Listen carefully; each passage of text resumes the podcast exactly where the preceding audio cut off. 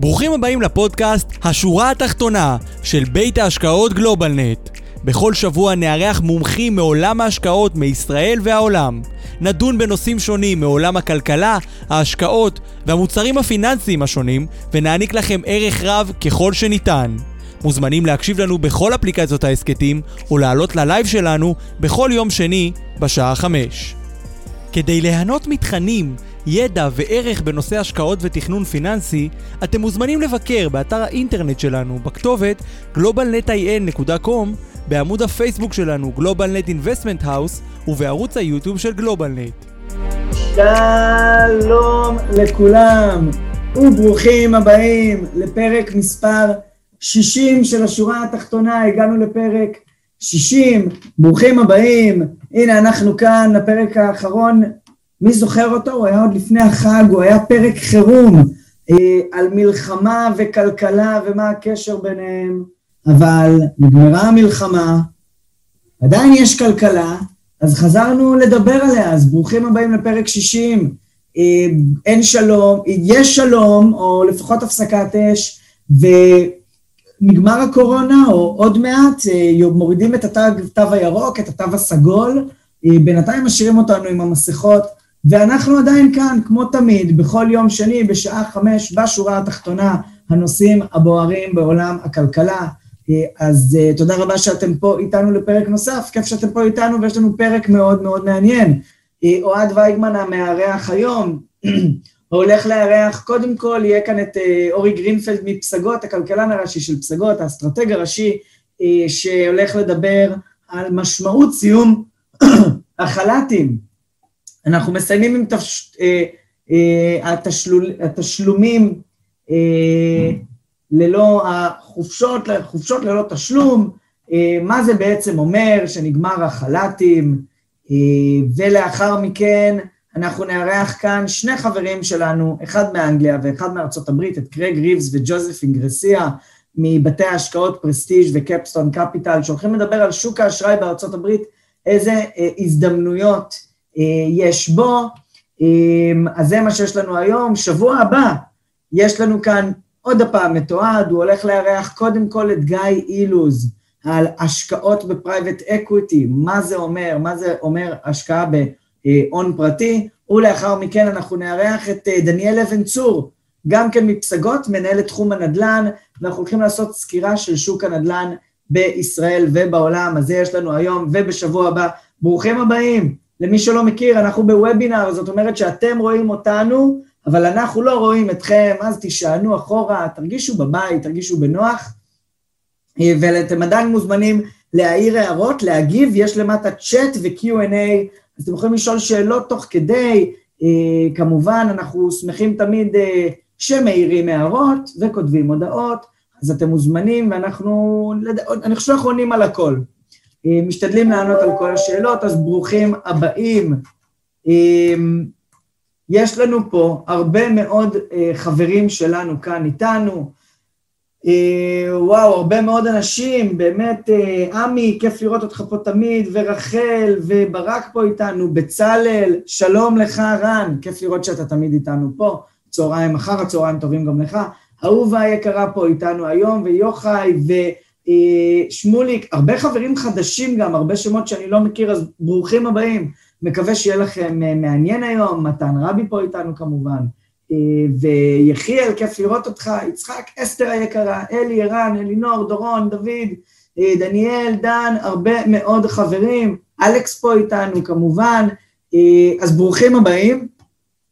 רגע לפני שנתחיל, חשוב לנו להעביר, הוובינר הזה הוא לצורך מידע בלבד, ולהאזין לו לא מחייב אתכם ולא מציע לכם לעשות החלטה או פעולה כזאת או אחרת, פיננסית או פנסיונית, בשביל זה אתם מוזמנים להתייעץ עם אה, מתכנן פיננסי או סוכן שאתם אה, סומכים עליו, שייתן לכם המלצה אה, בנוגע ובהתאם למצב האישי שלכם.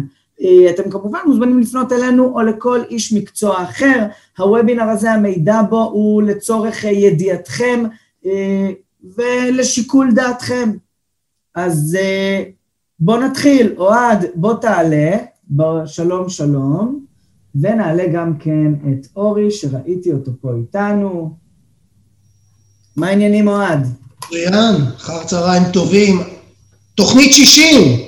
תוכנית 60. איפה הזיקוקים, אורן? איפה? אני עוד מעט אני אארגן פילטר של זיקוקים, אבל אני חושב שאחרי מבצע האחרון בצה"ל, מספיק עם הזיקוקים. אה, אורי היקר, אתה מוזמן לעלות אלינו. שלום לכולם. שלום, שלום, צהריים טובים. אהלן אורי, מה שלומך? אהלן אוהד, מה נשמע? מצוין, טוב מאוד. אתה יודע, אנחנו כבר אחרי... כבר רגילים לסבבים ולאירועים, ואתה יודע, כבר, כבר לא, לא מתחשבים בכל הדבר הזה שעובר עלינו. צריך לחזור כן. לדבר קצת כלכלה. כן. אני, אני, אני רוצה לומר רק, אה, אגב, הנה, מיכה אומר לך, אה, אורי, לא לנסוע בזמן שאתה מדבר בוובינר. לא נוסע לשום מקום. אה, כן. בכל מקרה, אני רק רוצה לומר, יש לי כמה חברים שהם בחל"תים, ויש לי חבר שכתב פוסט שהוא כבר כל כך הרבה זמן בחל"ת, שהוא חושב לבקש העלאה.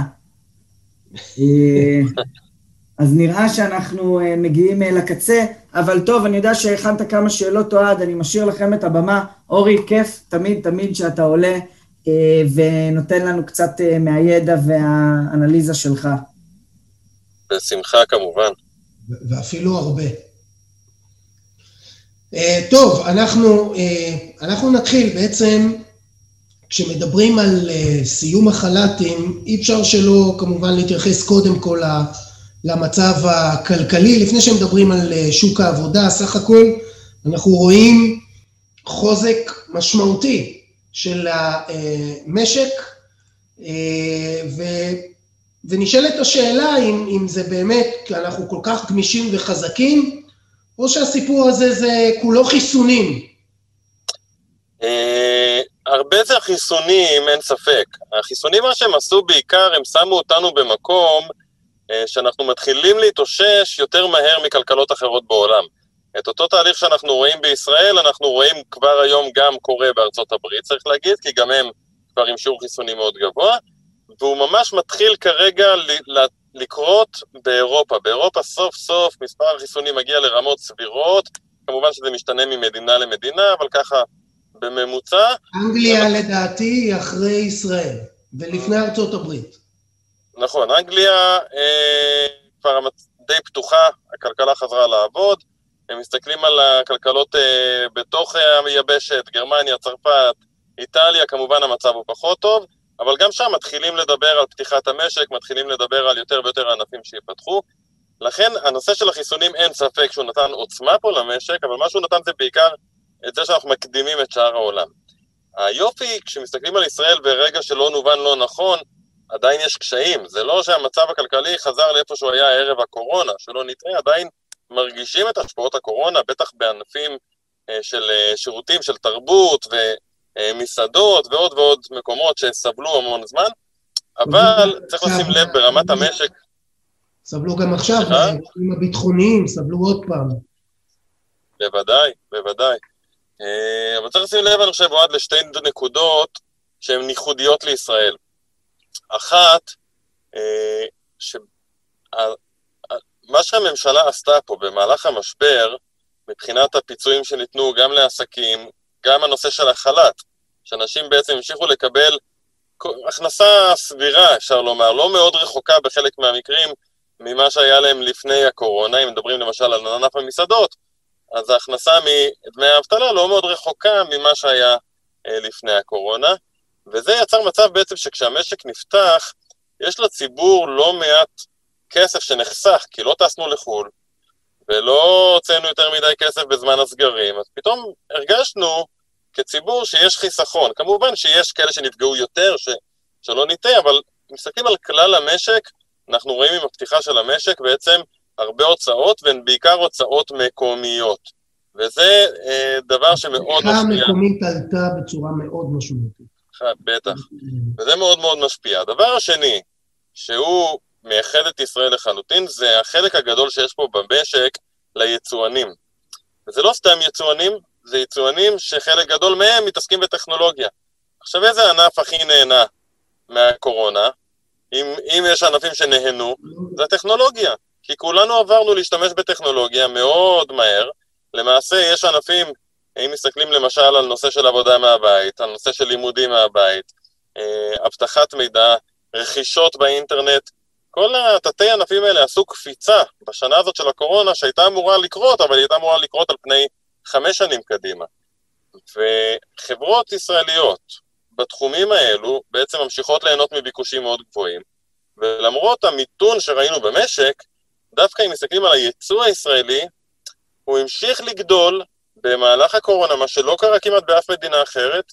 המשכנו לראות את הייצוא עולה ועולה, ואפילו בקצב מהיר מאוד, וזה נותן תמיכה בעצם, אמנם לענף אחד ספציפי, לענף הייטק, אבל זה בסוף נותן תמיכה לכלל המשק, כי יש לענף הזה חלק מאוד גדול בכלכלה. כן, ראינו את החודשים האחרונים מאוד מאוד מאוד חזקים, כמו שאתה אומר. המדד המשולב עלה בפברואר 0.45, במרץ חצי אחוז, זה חזק מאוד. כן, ראינו גם נתון צמיחה שכביכול היה חלש, ראינו מי שעקב בכותרות של העיתונים, אז הרבעון הראשון, המשק כביכול התכווץ, אבל אם מסתכלים בתוך הנתונים, אז זה ממש לא המצב. המספר הסופי הוא בעיקר בגלל שהממשלה הפסיקה להוציא הרבה כסף, ובגלל שאנשים הקדימו את רכישות הרכבים שלהם, בגלל המס על הרכבים ההיברידיים, לדצמבר שנה שעברה, ואז היה נראה שברבעון ראשון יש לנו ירידה. אבל אם יורדים לתוך הנתונים, רואים שהצריכה הפרטית עלתה מאוד ברבעון הראשון, זאת אומרת, האנשים יוצאים וקונים, הייצוא השתפר מאוד, אפילו השקעות במשק משתפרות, וכשמסתכלים קדימה להמשך השנה, אין ספק שהתמונה נראית סך הכל טוב, אה, בטח כשהעולם חוזר לאט לאט גם אה, למקום טוב יותר, וזה יתמוך עוד יותר בייצוא הישראלי. אז מה, אינפלציה, אורי? כי באנגליה מדברים על uh, חזרה לנורמל של כמעט אחוז וחצי אינפלציה, כן. שניים. כן, התשובה היא כן, קודם כל. התשובה היא כן, ואי אפשר להתעלם מזה, ואי אפשר לטמון את הראש בחול. אנחנו כבר רואים עלייה בסביבת האינפלציה, והיא תמשיך בחודשים הקרובים. אגב, האינפלציה בארה"ב עלתה ל-4.2 אחוז. מספרים כן, כן. ששכחנו שקיימים. וזה נובע, אני חושב שצריך להפריד את הסיבות לאינפלציה הזאת לשתיים. יש את הסיבות הנוכחיות, הזמניות, וזה כל העליות במחירי הסחורות. המחיר של הנפט היום, לעומת איפה שהיה לפני שנה, לפני שנה היינו בדיוק בשפל של הכלכלה, בתוך הקורונה, בתוך הסגרים בכל העולם, אז מחיר הנפט מאוד עלה, ומחיר הסחורות החקלאיות מאוד עלו, ומחיר... אתה זוכר את זה שהיה יום שמחיר החבית היה מינוס? אפילו שלילי, כן, נכון. אפילו שלילי ל... נכון. בפקיעה. אה, וזה מיד מקפיץ את האינפלציה. אבל הנקודה היא שזה לא רק זה. אם זה היה רק זה, אז היינו אומרים, אוקיי, זה זמני, נסתכל קדימה, בעוד שנה כבר לא נרגיש את זה. יש קודם כל בעיית היצע קשה, יש צווארי בקבוק בכל העולם, בעיקר בענפי הטכנולוגיה. מה שקורה היום בעולם עם שבבים אלקטרוניים, זה מצב שאני לא זוכר. שנים, עשרות שנים אפילו שהיה קיים, יש מחסור עולמי בשבבים אלקטרוניים. עכשיו, אתה יכול לבוא ולהגיד, בסדר, מה אני צריך, אז לא יהיה מחשבים לתקופה מסוימת, אבל זה לא המצב. כולם משתמשים בשבבים אלקטרוניים. כל עולם הרכב היום צריך את השבבים האלקטרוניים, ואנחנו רואים שיש בעיה, יש מחסור בכלי רכב. ולכן אנחנו רואים את המחירים של כלי רכב יד שנייה בכל העולם עולים בחדות. הבעיה ב- ב- שיש מחסור בשבבים זה משפיע על החקלאות, כי החקלאות היום היא ממוחשבת, ואנחנו רואים שיש פחות היצע של מוצרי חקלאות, וזה ישפיע על מחירי המזון קדימה. אה, יש בעיה בהיצע של אה, עץ, ממש עץ לבנייה, ומתכות לבנייה, וזה משפיע על מחירי הדירות וימשיך להשפיע על מחירי הדירות. כל הדברים האלה ימשיכו את קדימה. למרות שהמצב הכלכלי עדיין לא מזהיר, אנחנו צפויים לראות אינפלציה מאוד משמעותית. נכון, וזה עוד לפני שהתחלנו לדבר על מה יקרה עם החל"ת, ואם כבר התחילו לעלות מחירים, כי בעצם כוח האדם הפך להיות הרבה יותר יקר. אז בואו בוא נדבר על זה. עד כמה מהר שוק העבודה צפוי להתאושש? אז בואו בוא ניקח כנקודת הנחה שביוני נגמר החל"ת. נגמר, או נגמר, נגמרים תשלומי דמי אבטלה מורחבים נקרא לזה, זה לא רק חל"ת אגב. ממש ממש עוד ממש ממש עוד מעט. עכשיו, נניח שאנשים רוצים לחזור לעבוד, והפירמות מצליחות לגייס יחסית גם מהר עובדים. צריך לזכור, א', שיש עדיין ענפים שההתאוששות שלהם לוקחת זמן. ענף התיירות למשל, ייקח זמן עד שחברות תיירות, אני מדבר תיירות בחו"ל, יחזרו לעצמם, כי לא אתה ולא אני כנראה נמהר לנסוע עכשיו לפריז ולעמוד בתור בלובר עם 200 אנשים אה, שרק 20% מהם מחוסנים. אולי אפשר זה לא יקרה כל כך מהר. מהר לפני שיהיה טוב, אורי. נכון, על זה לא חשבתי. אה, אז יש ענפים שעדיין לא התאוששו ולכן הם גם לא יגייסו כל כך מהר את העובדים, וסביר להניח ששיעור האבטלה יישאר גבוה יחסית, הוא לא יחזור לאיפה שהיינו לפני הקורונה כל כך מהר. השאלה שמעניינת, אני חושב, בצד של האינפלציה, זה האם, בעיקר ענפי התרבות ומסעדות וכן הלאה, האם הם יצליחו באמת לגייס עובדים מהר, והאם הם כבר העלו מחירים על הבעיה שהייתה להם בחודשים האחרונים. אני חושב שאם מסתכלים על מסעדות, ונתוני הלשכה המרכזית לסטטיסטיקה מראה את זה, אה, המחירים כבר התחילו לעלות. מסעדות מעלות מחירים, כי קשה להם ליצור כוח אדם, הם נאלצים לשלם יותר לאלה שמוכנים לבוא לעבוד, והם מגלגלים בעצם את העלייה בהוצאות השכר לצרכן. אז במסעדות כבר אנחנו רואים את זה, וצריך לזכור שהמסעדות גם פתוחות כבר תקופה ארוכה יחסית. יש מקומות שעוד לא ראינו את זה, וכנראה נראה את זה, ולכן אני חושב שהנושא הזה של החזרה מהחל"ת, לא... זה לא יקרה כל כך מהר, וזה ימשיך להיות אינפלציוני גם לתקופה מסוימת. השאלה אם אתה רואה את האינפלציה לאורך זמן, כי המשמעות של אינפלציה היא עליית ריבית. אינפלציה אמיתית לאורך זמן זה עליית ריבית, ועליית ריבית זה כבר שינוי מוחלט של סדרי העולם כפי שאנחנו מכירים אותם בשנים האחרונות. אז פה אני, אני אניח את דעתך, אני חושב, בטח כשהם מסתכלים על השווקים הפיננסיים, כי עליית ריבית זה שינוי, שינוי טקטוני מבחינת השווקים הפיננסיים, אף אחד לא מצפה כיום להעלאת ריבית. תראה, סביבת האינפלציה בישראל, אם מסתכלים על השנים שלפני הקורונה, האינפלציה הממוצעת הייתה בערך חצי אחוז בשנה. גם אם אנחנו צודקים, שגם זה לא בטוח, אבל גם אם אנחנו צודקים, ואכן נראה עלייה מסוימת בסביבת האינפלציה כעלייה קבועה, עדיין אנחנו מדברים על עלייה לאזור של אינפלציה של סביב האחוז וחצי, אולי לכיוון השני אחוזים. עכשיו, על פניו, זה בטח יותר גבוה ממה שהיינו רגילים. אבל זה לא אינפלציה גבוהה במונחים שפעם היינו רגילים לדבר עליהם, 4-5 אחוזים. וזה גם לא אינפלציה גבוהה במונחים של בנק ישראל. צריך לזכור שיעד האינפלציה של בנק ישראל הוא בין אחוז לשלושה. אז גם אם האינפלציה תהיה שני אחוזים, זה אפילו בדיוק מרכז היעד של בנק ישראל, הוא לא צריך לעלות ריבית. אין שום סיבה שהוא יעלה ריבית. ולכן אני חושב שאנחנו נראה תמונה כזו שבה בעצם האינפלציה כן מרימה קצת את הראש, לא לרמות מאוד מאוד גבוהות כמו שפעם בשנות ה-90 הכרנו, לשם לא נגיע, אבל כן נראה סביבת אינפלציה קצת יותר גבוהה ממה שהתרגלנו בכל השנים האחרונות.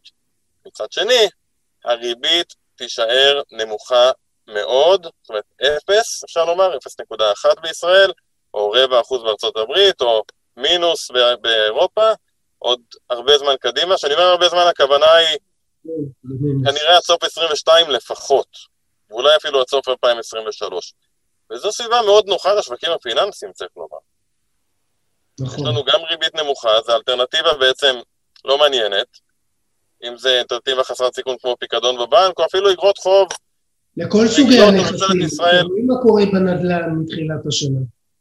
בדיוק, ואז מצד אחד יש לך את זה, מצד שני יש אינפלציה, אז אתה מחפש נכסים שהם ריאליים, שהם שומרים לך על הכסף, על הערך שלו.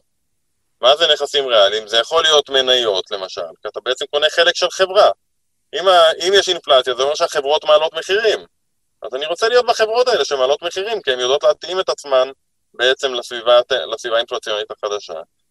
אם זה נכסים ריאליים אחרים כמו נדל"ן, כמו השקעות ישירות בחברות, שמעתי קודם שאתם תדברו שבוע הבא על private equity, אז זו דוגמה מצוינת. אני רוצה שיהיה לי נתח בנכס ריאלי, לא באג"ח, שזה בעצם התחייבות להחזר כספי, לריבית שמשולמת מדי שנה, אם הריבית הזאת בעצם הופכת להיות פחות אטרקטיבית, כי האינפלציה אוכלת חלק גדול ממנה. נכון.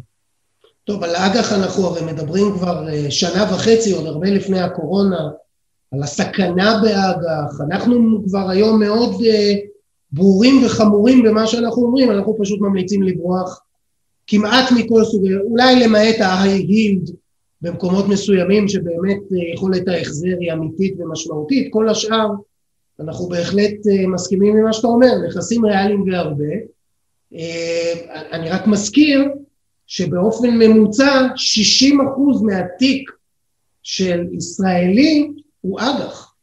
כשאנחנו באים ואומרים, הדבר הזה לא צריך להיות בתיק, למי שיכול שזה לא יהיה בתיק, זה באמת שינוי קטטוני, כמו שאמרת, שינוי משמעותי. ואם כבר מחזיקים אג"ח, כי, אתה יודע, קודם כל, ההתאמה של התיק צריכה להיות מותאמת גם לאופי של הלקוח ולשנאת הסיכון שלו. חד משמעית. זה בסדר להיות משקיע סולידי, זה בסדר להגיד, אני רוצה להחזיק אגרות חוב של ממשלת ישראל, כי זה, אני לא רוצה עליות וירידות. אבל אם אתה כבר מושקע באג"ח, אז לפחות באגרות חוב הצמודות למדד, שיגנו עליך מפני תרחיש כזה של אינפלציה. ואני חושב עוד שדיברנו על זה גם בפעם האחרונה שהייתי פה, שאם כבר אתה באג"ח, אתה באג"ח צמודות, והאמת שזה גם עשה עבודה, נתן כן, תשואות כן. משמעותית יותר טובות מהאגרות חוב שלא צמודות למדד, ואני חושב שהמגמה הזאת גם תמשיך איתנו קדימה, ככל שיתברר שהאינפלציה הזאת היא באמת, היא לא רק איזשהו אירוע זמני של חודש-חודשיים, אלא משהו שנשאר איתנו לתקופה קצת יותר ארוכה. זה באמת לא נראה ככה, ואם באמת אחוז השתתפות הציבור בעבודה, כלומר האבטלה תרד, ההשתתפות תעלה, אז זה רק, זה רק עוד שמן למדורה. תראה, ראית מה קרה למחירי הנופש, אני מניח שכל הצופים בבית ניסו להזמין איזה צימר או מלון, ראו מה קורה למחירי הנופש בישראל. נכון. זה דבר, אולי לא בקצבים האלו ובעליות החדות שאלה שהיו, כי היה גם פה ביקוש מאוד חד וחגים, והכל נפל בבת אחת, אבל זה דבר שיקרה בחלק גדול בעצם מהשירותים במשק, ובסוף מדד המחירים לצרכן, רובו, שני שליש ממנו זה שירותים, זה לא מוצרים. עכשיו, גם המוצרים המחירים שלהם עולים כי יש בעיית היצע. רק ש... בואו נבין מספר, אני חושב שזה מספר שמלמד אותנו המון, ואם יש אנשים בקהל שהם יבואנים, הם מכירים את זה טוב מאוד. מחיר השינוע, היום לשים, מחול, למלות מכולה ולשלוח אותה, נאמר, מסין לישראל. המחיר רק של השינוע של המכונה התייקר ב-300 אחוז בשנה האחרונה. עכשיו, מחירי המכונות כביסה, מקררים, אה, ריהוט, כל הדברים האלו התחילו לעלות, עדיין הם לא עשו את כל ההשלמה שלה, כי היבואנים אומרים, רגע, אולי זה ירד חזרה, יש לי מלאי, אני אגלגל חלק לצרכן, חלק... אם זה נמשך ככה, וזה לא נראה שזה הולך להפסיק, אז המחירים האלה ימשיכו להתגלגל לצרכן. כן, בתחום הזה. אגב, מחירי הריהוט, אתה יודע, זה אחד הדברים המדהימים. אם מסתכלים עשר שנים אחורה, מ-2010 עד 2021, 11 שנים, מחירי הריהוט בישראל, במדד המחירים לצרכן, ירדו בממוצע חצי אחוז כל שנה. זאת אומרת, הם רק יורדים ויורדים ויורדים ויורדים ויורדים, ואנחנו מבינים למה. גם השקל הלך והתחזק, גם התחרות פה הלכה וגברה, ואנשים כן. קונים אונליין וכן הלאה. כן. החודשים האחרונים זה פעם ראשונה מזה 11 שנים שיש עלייה במחירי הריהוט בישראל, והיא עדיין, אני חושב, אה, קורית, אבל יש עוד הרבה לאן לעלות, כל עוד מחירי השינוע נשארים כאלו כל כך גבוהים, ומחירי העץ גבוהים, אה, וכן הלאה וכן הלאה. זה לא רק השירותים שהתייקרו, זאת אומרת, המסעדות, הקולנועים אה, וכן הלאה, זה גם המוצרים, יש פה אינפלציה שמגיעה משני הכיוונים, ולכן סביר להניח שזה לא משהו שיעלם כל כך מהר. אוקיי, נחזור לשוק העבודה. אז איך באמת החזרה מהחל"ת תשפיע לדעתך? תראה, בעולם אוטופי היינו רואים אה, כבר היום, למה היום? כבר לפני חצי שנה, היינו רואים את הממשלה מתחילה בתוכניות הכשרה אינטנסיביות, כן. לקחת אנשים מהענפים שכנראה לא יתאוששו כל כך מהר, ולאפשר להם לעבור לענפים שמתאוששים יותר מהר, ויש בהם כבר היום מחסור בעובדים, בעיקר ההייטק. בהייטק כבר היום חברות מדווחות שאין להם עובדים, וזה לא קשור לחל"ת. שם לא הוציאו לחל"ת, שם פשוט חסר עובדים. תהליך של כמה שנים, רק שהוא גם לבן הולך ומתחזק. קצת קשה, במסגרת התוכניות של הממשלה שעוד. אה, חוקקו בשיא הקורונה, כל התוכנית של ה-80 מיליארד שקל וכן הלאה, יש סעיפים של הכשרות מקצועיות, רק שום דבר לא באמת יצא לפועל. עוד פעם, הממשלה אה, לא, לא ממש מתפקדת, אנחנו בתקופה פוליטית מסובכת, וקשה מאוד ליישם מדיניות שכל כמה חודשים הולכים לבחירות. ולכן התהליך הזה יהיה, יהיה איטי. יהיה איטי כי בסוף יש הרבה עובדים בחוץ שיחזרו לפחות עסקים. חלק מהעסקים לא שרדו את הקורונה. אז יש הרבה עובדים שחוזרים לפחות עסקים. העסקים האלה, גם עוד פעם, גם אלה ששרדו נפגעו, וייקח זמן. רק, אני רק אגיד, לגבי הנושא של העסקים, אני מאוד הופתעתי, הסתכלתי באמת בימים האחרונים, אה, מעבר באמת לעסקים ששנה שעברה אה, סגרו, הקצב הוא הרבה יותר נמוך ממה ששיערנו מלכתחילה בהקשר הזה. השוק כשוק מראה חוסן אדיר בהקשר של העסקים. מאוד מאוד הופתעתי לראות את החוסן של העסקים. באופן כללי, כמובן, ביחס ל... אתה יודע, כבר היינו פה במשבר שהמון עסקים היו סגורים תקופה מאוד מאוד ארוכה, הייתי מצפה לראות אה, אה, אימפקט הרבה הרבה יותר משמעותי. אולי זה התוכניות, ההזרמות הממשלתיות, אבל בפועל המספרים חזקים. במרץ-אפריל שנה שעברה, החשיבה, גם שלנו אגב, גם שלנו בפסגות, צריך להגיד, גם כשאתה טועה, לא להסתיר את זה, החשיבה הייתה שזה הולך להיות משבר עמוק מאוד, כואב מאוד, שלא נראה מזה עשרות שנים. כן. מה שקרה זה שהממשלות, בכל העולם אגב, וגם בישראל, הבינו את הבעיה. בסופו של דבר גם אלו הממשלות שאמרו לנו, תסגרו את העסק, אתם לא יכולים לצאת לעבודה. ולכן גם אפשר להגיד שהן היו מחויבויות, מחויבות לפצות. ובסוף אנחנו רואים שההכנסה, גם של השכירים דרך תשלומי אבטלה וחל"ת וכן הלאה, וגם של העצמאים... שזה ירד מבעלי העסקים. זה פשוט ירד מבעלי נכון. העסקים, הצורך להחזיק את העובדים. נכון, עכשיו צריך מתישהו לשלם את זה, שלא נטעה. הממשלה בגירעון של, הגיעה לגירעון של כמעט 13 אחוז, החוב. של המדינה גדל מאוד, ומתישהו בעתיד נצטרך לעשות צעדים כדי לצמצם את זה. אגב, לא צריך להיבהל, כי צעדים כאלו יכולים לעשות בשתי דרכים. דרך אחת היא להעלות מיסים. זו דרך אחת. הדרך השנייה היא לעשות תוכניות יותר חכמות. העלאת מיסים. קשה. 21 זה לא יקרה, למרות שראיתי כבר אנשים שכותבים שב-2021 יעלו מיסים, לא יקרה. לא אולי ב-22, אם תהיה ממשלה, אלא אם כן יהיה בבחירות שמיניות מתישהו ב-2022. כן. אבל לא חייבים לעלות מיסים. אם מבצעים צעדים לעידוד הכלכלה, למשל הכשרות עובדים, למשל אה, תמרוץ ענפים שהם ענפים שמייצרים צמיחה, מייצרים מקומות עבודה באופן מהיר, אז אתה בעצם מחזיר כסף למדינה דרך הפעילות הכלכלית, ולא דרך העלאת מיסים. ובשביל לעשות את זה, עוד פעם, צריך ממשלה, צריך בחירות, ממשלה, תקציב, ראייה ארוכת טווח, אה, ואנחנו יכולים לקוות שזה מה ש... מה שאין לנו. בינתיים, אני, אני אופטימי. שנתיים, שנתיים אין לנו. כן. כן. טוב, התחלנו לדבר, אנחנו לקראת סיום, התחלנו לדבר, אה, אה, אתה התחלת לדבר מקודם קצת על התיקים, אה, על הצמוד, על הנכסים הריאליים. בואו ננסה להשלים פה את התמונה, איך פועלים בתיק ההשקעות בתרחיש שאנחנו מדברים עליו. אוקיי, okay. אז אם אני מסכם את זה מלמעלה, דבר ראשון, אנחנו בתקופה שבה מצד אחד הריביות נשארות מאוד מאוד נמוכות עוד הרבה הרבה זמן, מצד שני הכלכלה מתחילה להתאושש והממשלות גם עוזרות, ממשיכות לעזור, אז אולי חל"ת לא משולם, אבל ברוב המדינות בעולם עדיין יש תוכניות לעידוד צמיחה קדימה. זו סביבה מצוינת לנכסי... שישה טריליון דולר בסך הכל. נכון, וגם האירופאים עוד מעט מתחילים. כן. אז זו סביבה טובה לנכסי סיכון באופן כללי, מניות, לנכסים ריאליים. אה, נדל"ן זה יכול להיות, זה יכול להיות חברות, השקעות בחברות ישירות וכן הלאה. עדיין יש את החלק הסולידי, את החלק האג"חי בתיק, שכמו ש... גם יש שם נכסים ריאליים. אתה אמרת, נדל"ן, גם שם יש לנו המון נכסים ריאליים. אז אם אנחנו אומרים שהצד של הנכסי סיכון הוא מעניין, אז הצד הסולידי הוא פחות מעניין. זה לא אומר שאנחנו נחזיק אפס ממנו, כי כמו שאמרת, כל לקוח, כל בעצם משקיע, יש לו את ההסתכלות שלו על כמה סיכון הוא רוצה לקחת, אבל מה שצריך לעשות בחלק הזה, זה א', גם שם אפשר להגדיל סיכון, למשל לעבור מאגרות חוב ממשלתיות לאגרות חוב קונצרניות, וגם אם אתה נשאר באגרות חוב ממשלתיות, תשעה באגרות חוב הצמודות. אוהד, לא אמרתי שהקונצרניות מעניינות, הן פשוט יותר מעניינות מהממשלתיות. הצמודות והקצרות, אם כבר. אני מעדיף לקבל באגרות חוב, למשל של הבנקים בישראל, שהסיכון בסוף בבנקים הוא עדיין נמוך, עוד חצי אחוז לעומת הממשלתי, כי הממשלתי נותן לי חצי אחוז. אז אני מכפיל את התשואה למעשה.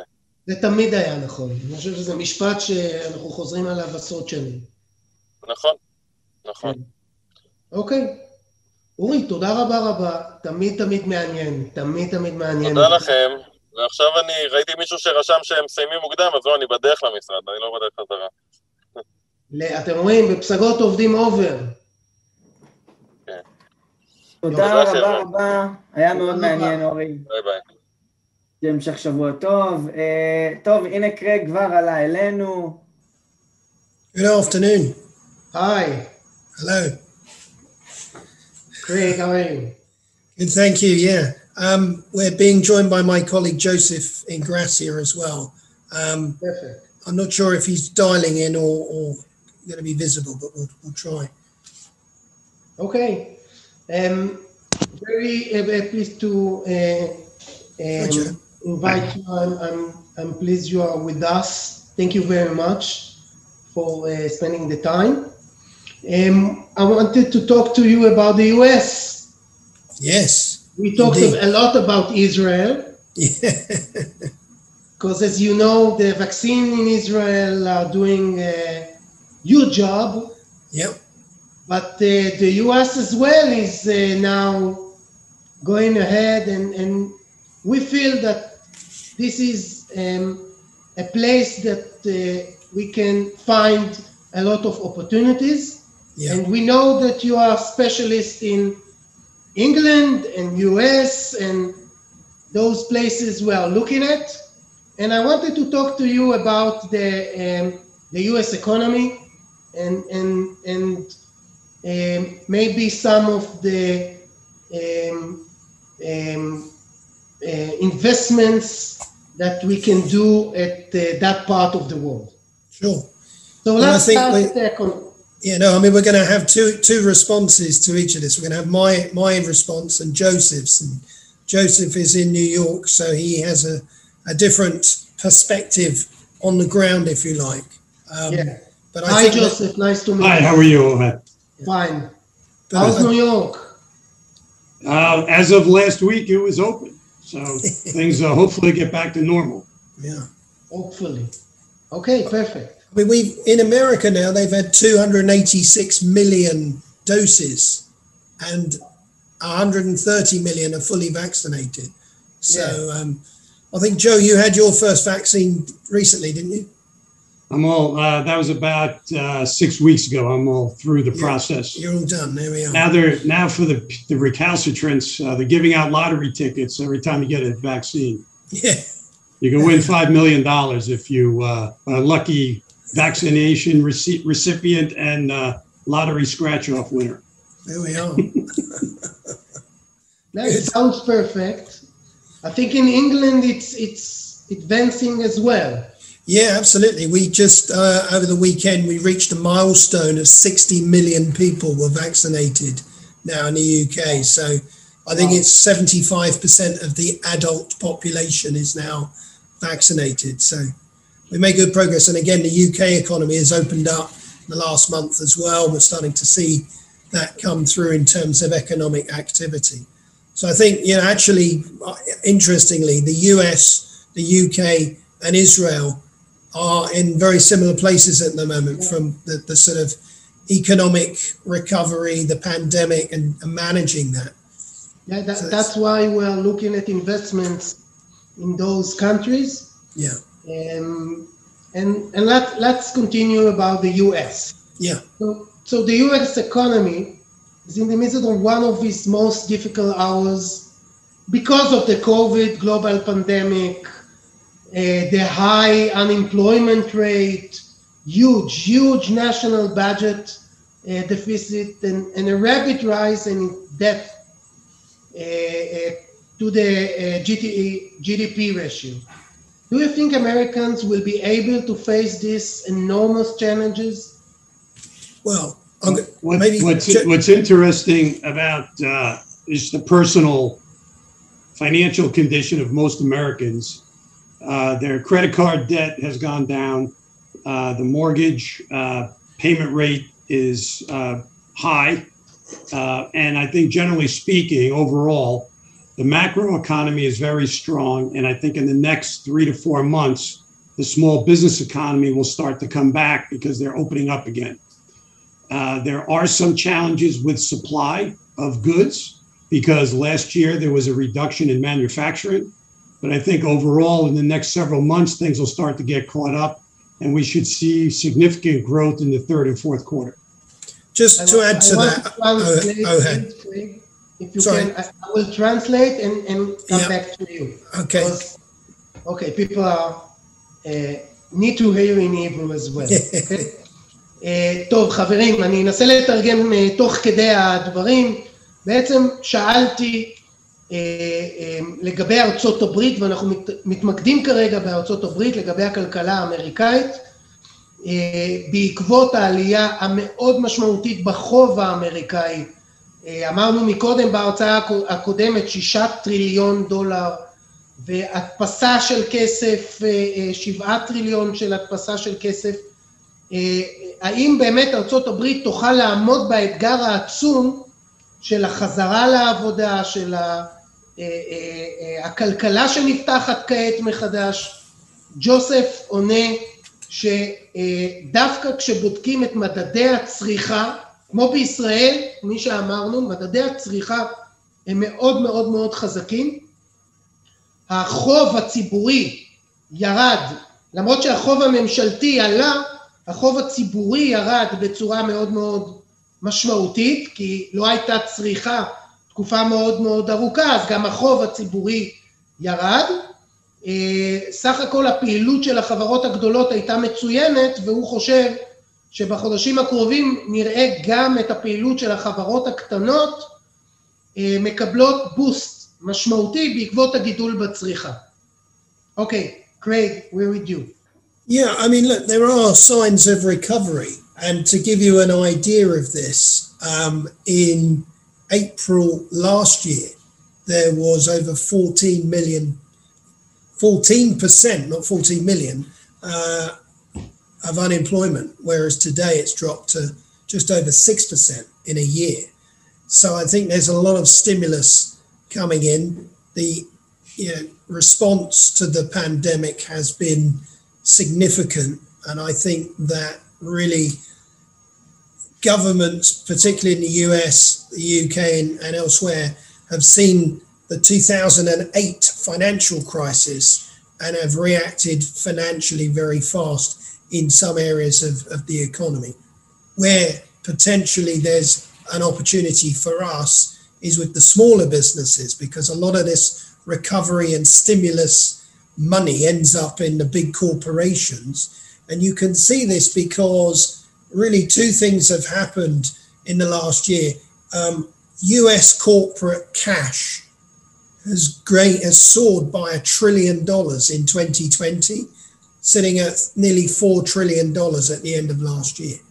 And you can also see this because corporate profits remained fairly stable. So in Q1 of 2021, corporate profits in the US were uh, 2,000 billion dollars, so two trillion dollars in that first quarter, which is pretty to- much the same as, as, as previous years. Yeah, it's, it's, it's huge. קרייג מדבר על זה שאם ראינו בשנה שעברה בארצות הברית, באזור אפריל, 14 אחוז אבטלה, אז אנחנו כבר ירדנו ל-6 אחוזי אבטלה, דרך אגב בישראל זה בערך 8 אחוזי אבטלה, כך שהשוק האמריקאי הוא אפילו יותר גמיש, או אפילו הרבה יותר גמיש מהשוק ה- ה- הישראלי, והוא חוזר בקצב מאוד מאוד חזק. בהתחלה הוא מדבר על זה שאנחנו רואים את עיקר ההתאוששות בתאגידים הגדולים שסיימו את 2020 עם יתרות מזומנים שלא נראו, באמת יתרות של מעל 20 מיליארד דולר ומסתכלים גם על הרווחיות של החברות שנשארה, אני מדבר על החברות הגדולות, שנשארה יחסית יציבה, וגם הוא מדבר על זה שהשלב הבא זה החברות הקטנות והבינוניות. Craig, we're with you. Yeah, I mean, one other thing just to mention that, and, and Joseph sort of outlined this a moment ago, but US households saved $1.6 trillion of excess savings in wow. 2020. So at some point this year, next year, that consumer is going to go out and start spending money. So you've they got couldn't combi- travel, they couldn't exactly spend money as usual. So. so you've got a situation at the moment where the corporates are sitting on a lot of cash, the big corporates, and they're going to start spending more. And the, the consumer is sitting on a lot of cash and they're going to start spending more. But where we focus is the small companies, and they don't have that luxury. So they're, they're the kind of companies that find it harder to get a bank loan. And, and that's because of rules that have come in the last 10 years in the US. And Joe, I don't know whether you want to just mention around what Dodd Frank does and is to the effects. Sure. So the, the rules that the banks have. And, and get back to you. Okay. okay All right. Sorry.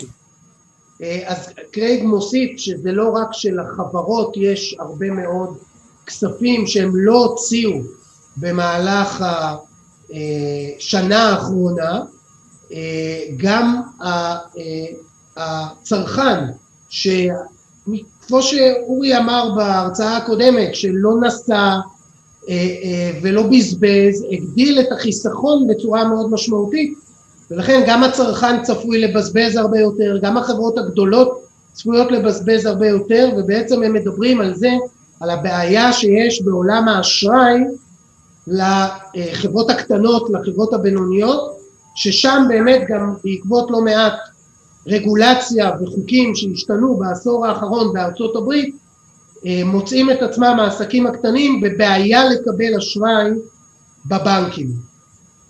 Please, Joseph. So the regulation is called Dodd-Frank. It was to make sure that uh, large banks do not fail again, as they did during the financial crisis. So there were three uh, require more than three requirements that affect our client base that restrict bank lending, which are the borrower needs to have three years of audited financial statements, three years of uh, bottom line net income growth, and three years of top line sales growth. And a lot of contracting type companies in the United States don't meet those three requirements. If they have a loan from a bank, the loan would be classified as uh, marginal or subject to charge off by the bank. And the regulators would require the bank to put up about 30% of the loan value in cash as a reserve. So as a result of that, many of the small businesses have been disenfranchised from borrowing from banks. So they come to secondary and tertiary lenders in the economy, and we're in the secondary market. Okay, I'll translate. ג'וסף באמת מוסיף ומרחיב בנושא הרגולציה בארצות הברית שבעקבות המשבר ב-2008 כדי להגן על הבנקים לצורך החוזק שלהם, שלא יקרה מה שקרה ב-2008 שפשטו את הרגל, אז הם הטילו מספר מגבלות על מתן אשראי, שלושה מגבלות עיקריות, אחד זה נושא של צמיחה, בשלוש שנים האחרונות העסק צריך להראות צמיחה גם ברווחים גם בהכנסות וגם שלוש שנים אחרונות של אה, אה, מבוקרות, דוחות מבוקרים, ובלי לעמוד בכל שלושת התנאים של צמיחה לאורך שלוש שנים, גם ברווחיות, גם במכירות וגם נושא של דוחות, אי אפשר לקבל אשראי מהבנקים, וזה יצר שוק משני עצום, בעיקר לחברות אה, קטנות, שלא יכולות לאורך זמן, אתם יודעים, יש תנודתיות ואי אפשר לאורך זמן, לא כולם מצליחים להוכיח לאורך זמן באופן יציב את הגידול שצריך בשביל לקבל מהבנקים ובעצם אה, הפרסטיג' אה, קרן שנקראת, אה, אה, קרן שמתעסקת באשראי לעסקים בשוק האמריקאי מתמקדת באותו שוק משני שלא יכול לקבל את ההלוואות האלה. עוד דבר שהוא אמר, הבנקים כדי לתת את ההלוואות צריכים לרתק 30% מתיק האשראי כהון עצמי. אז מגבלות קשות מאוד, מה שמצמיח מאוד את השוק המשני של ההלוואות. ג'וסף, פליז. Um, all right, so uh, what we've already started to see now is a lot of the government uh, agencies are starting to release contracts um, to small and minority owned businesses. And we've had a um, effort for the last seven years on working with those uh, minority businesses that get these contracts, which are called set aside contracts.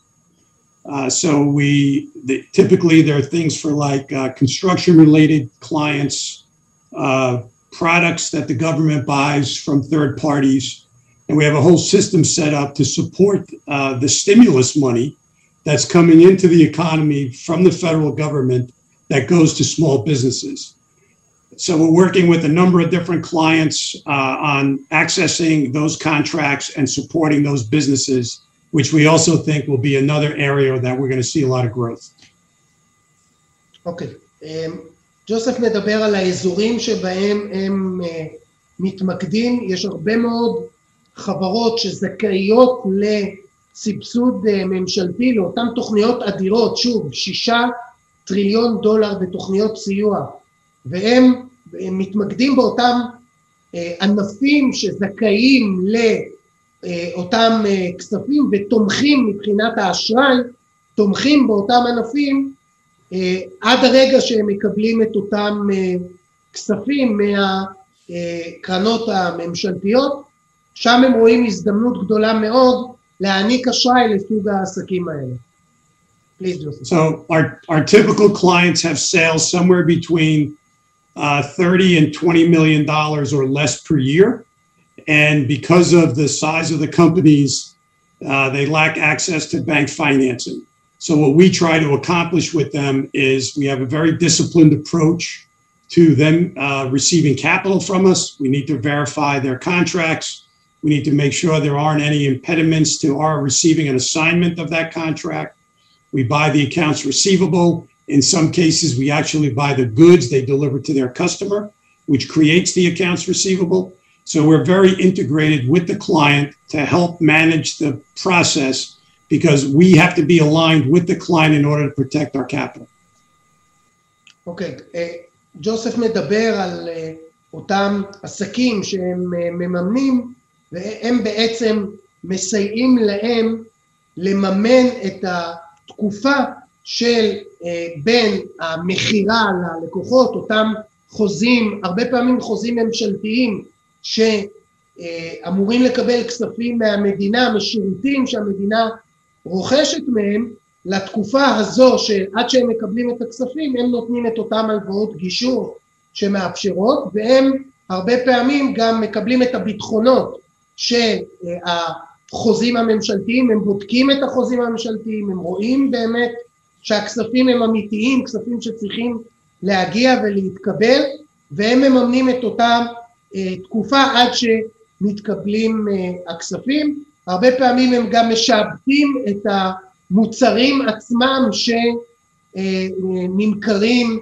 אה, תחת אותם חוזים, שוב כדי להבטיח את הבטוחות הראויות לאותן הלוואות שהם נותנים לעסקים. הם מתמקדים בעסקים באזור גודל של 20-30 מיליון דולר במכירות. כלומר בישראל זה היה עסק בינוני, שם זה עוד עסק קטן, בישראל דבר כזה נחשב עסק בינוני, אבל זה, זו ההתמחות שלהם, שלהם. Ohad, I was going to ask Joseph, um, maybe you can explain some of the companies that, or the types of industries that you avoid as well as the ones that you focus on? Sure. Um, so our, our business... תוסף ידבר, אומר לו קרייג, איזה ענפים לדעתך צריך להימנע לתת מהם אשראי. Joseph, please, sorry. Sure. To reduce the risk, we focus on the credit of our client's customer. So we deal with people like Verizon. Uh, we deal with people like Costco. We deal with large construction uh, general contractors.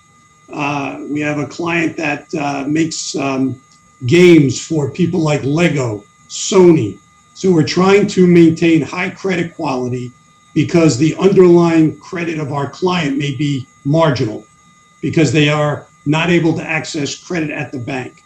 So we enter into uh, um, written agreements for repayment with those very creditworthy companies. We have a client that supplies um, OEM type cell phones and hotspots and laptops to Verizon. We have a client that supplies outerwear uh, to Costco. We have a client that supplies donuts to Krispy Kreme Donut Corporation. These are all uh, customers that make an excellent product that sell to very well capitalized third party customers. בעצם החיתום שלהם, מעבר לעסק שהם מלווים, החיתום אה, הוא בעיקר על הקונה, כי הם רוצים להבטיח את אה, הלוואת הגישור עד קבלת הכספים מהקונה, אז הם צריכים לוודא שהקונה הוא קונה חזק, משמעותי, והוא בעצם עושה חיתום גם על הקונה, לראות שמדובר בחברות גדולות כמו וורייזן שבתחום התקשורת, קסקו, כלומר חברות שהתזרים שלהם הוא מאוד מאוד מאוד חזק, שהסיכוי שהם לא יעמדו בתשלומים על רכישת המוצרים, השירותים שהם רוכשים מהלקוחות שמקבלים את האשראי הוא אפסי. בעצם המיקוד שלהם זה אותם מכירות לגופים מאוד מאוד מאוד משמעותיים וגדולים. Please, Joseph. Uh, so that that pretty much is you know what our underwriting requirements have. Uh, we we try to verify everything that we do before we fund. We do background checks on all of the principals in the companies to make sure that they don't have any criminal backgrounds. We do litigation checks, bankruptcy checks. We make sure we have a first lien on the assets, and those are all conditions of funding. And if we can't verify an invoice, we obviously don't fund it. אוקיי? Okay? תהליך החיתום שהם עושים בקבלת האשראי כולל גם בדיקות רקע של כל המנהלים, לראות שלא, גם ברמה האישית של המנהלים, שלא היו בעיות אישיות של חובות או הסתבכויות או אה, אה, התמכרויות, כלומר יש ממש בדיקה אישית של המנהלים של אותן חברות שהם אה, מממנים, הם כמובן גם אה, מקבלים שיעבוד מסדר ראשון על אותם מוצרים שנמכרים, וכשהם צריכים לדוגמה לממן מכירה חשבונית כלשהי, אז הם בודקים בצד השני שבאמת מדובר בעסקה אמיתית, לגיטימית, שלא מדובר על משהו שהוא בספק, אלא אמיתי ולגיטימי, ורק אחר כך, אחרי כל תהליך ה-due diligence, הגילוי נאותות מה שנקרא, הם מבצעים את האשראי, שוב, אשראי קצר טווח עד קבלת התשלומים על החוזים, חוזי ההתקשרות עם חברות גדולות. זה פחות או יותר אסטרטגיית ההשקעה ותהליך החיתום של הקרן שנותנת אשראי לעסקים, עסקים קטנים, והאמת קטנים אולי שם בינוניים, כלומר הם מתעסקים בעסקים בינוניים וזו ההתמחות שלהם. please. Uh, do you have any other specific questions? Uh, um, I have an 11 o'clock call I have to run to, so I want to make sure I get everything into your uh, any questions you might have.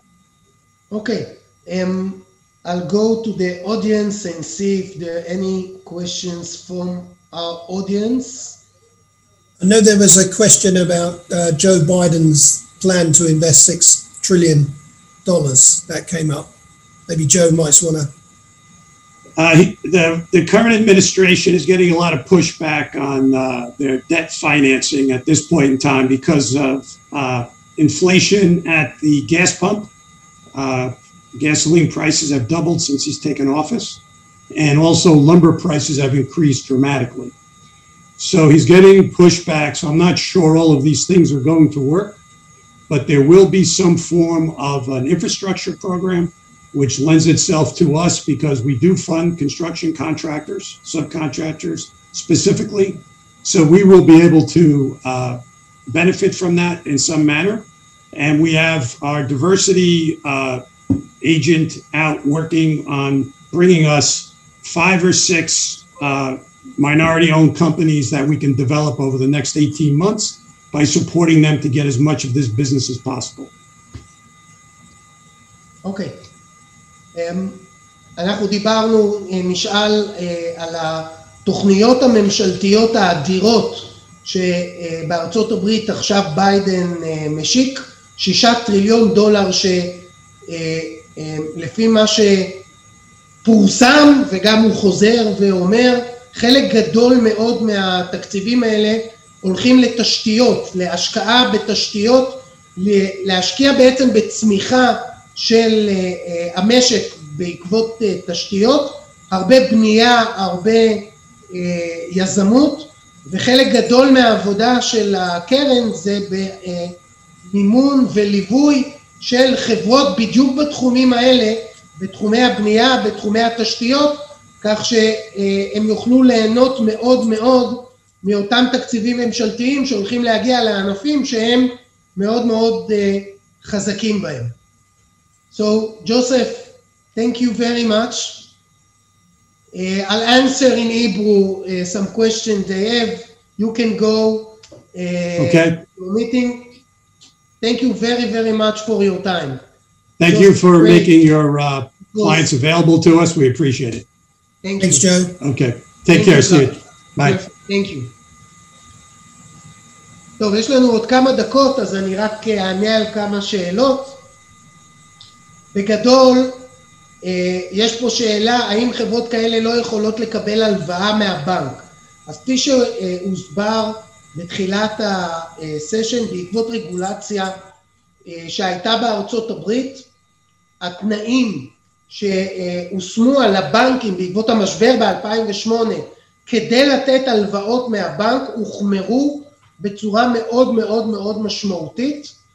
גם כי הבנק צריך לשים 30 אחוז הון עצמי, אז הוא הוריד מאוד את מסגרות האשראי שהוא מעניק לאנשים, אז יש חוסר, חוסר משמעותי של כספים, וגם אה, לאנש, רק לחברות שרמת הרווחיות שלהם הלכה ועלתה במשך שלוש שנים לפחות בצורה עקבית, וגם ההכנסות. עכשיו, הרבה מאוד חברות שעוסקות בתשתיות, בייזום, בנדל"ן, בכל התחומים האלה, זה אה, חברות שמאוד מאוד קשה להן לקבל הלוואות מהבנק, ולכן יש פה שכבה אדירה של חברות בינוניות שמתקשות לקבל את ההלוואות מהבנק ופונות לשוק ההלוואות המשני.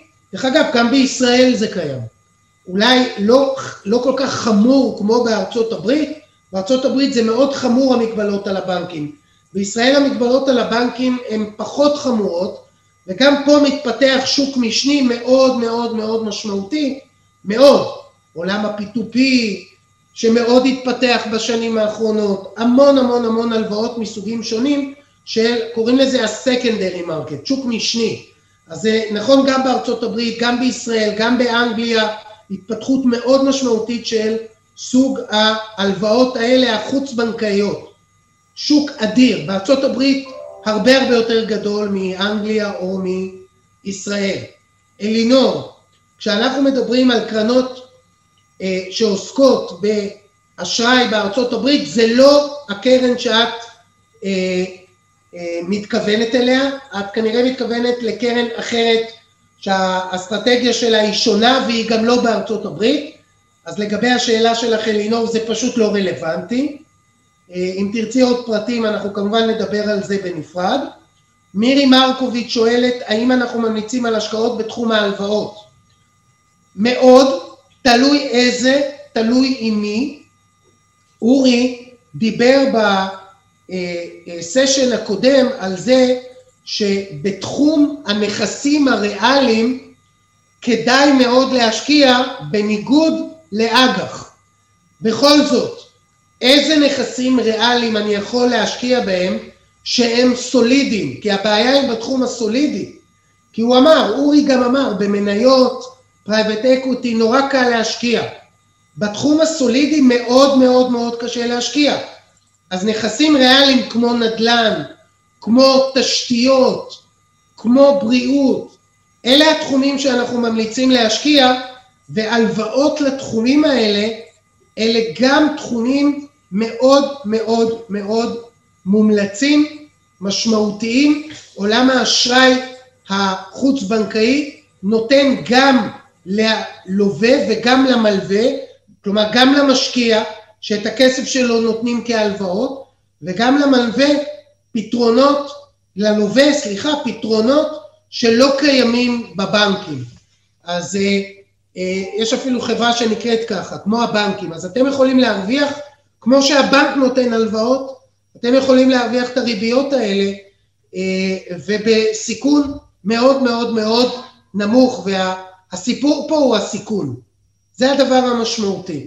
אם יש למישהו עוד שאלות ספציפיות שאני לא יכול לעלות בוובינר עם כולם, אתם מוזמנים לרשום, אה, אה, אנחנו נפנה אליכם באופן אישי, תרשמו בצ'אט שאתם מעוניינים שנפנה אליכם, נפנה אליכם באופן אישי. אה, אז שאלות כמו תשואות, תמורות, המלצות, זה לא בוובינר. לגבי התחום בהחלט כן מירי. לגבי באופן ספציפי, נפנה, נדבר, כי צריך להתאים את רמת הסיכון ליכולת לשאת סיכון, גם את זה אורי אמר, מאוד נכון. אז צריך להתאים איזה סוגי הלוואות מתאים להשקיע בהם. התשובה לכל אחד היא שונה. אז אלה לגבי השאלות שנשאלו. נגמר לנו הזמן. אנחנו ככל שבוע מחמש עד שש, תוכנית קבועה, הפעם התוכנית השישים, איפה הזיקוקים? אורן, איפה הם? אמרנו, אמרנו, בלי זיקוקים, רק סיימנו עם uh, טילים וכיפות ברזל, uh, נשאיר את החגיגות בלי הזיקוקים. אז אנחנו חוגגים, מגיע לנו אנחנו... לחגוג, תוכנית שישים, משמעותי. נכון. Craig, thank you very much for being with us today. Yeah, thank you for having us. Craig, thank you, thank you. Okay, good. Bye guys, שלום. ביי. ביי. ביי. שלום. אוהד, תודה רבה לך.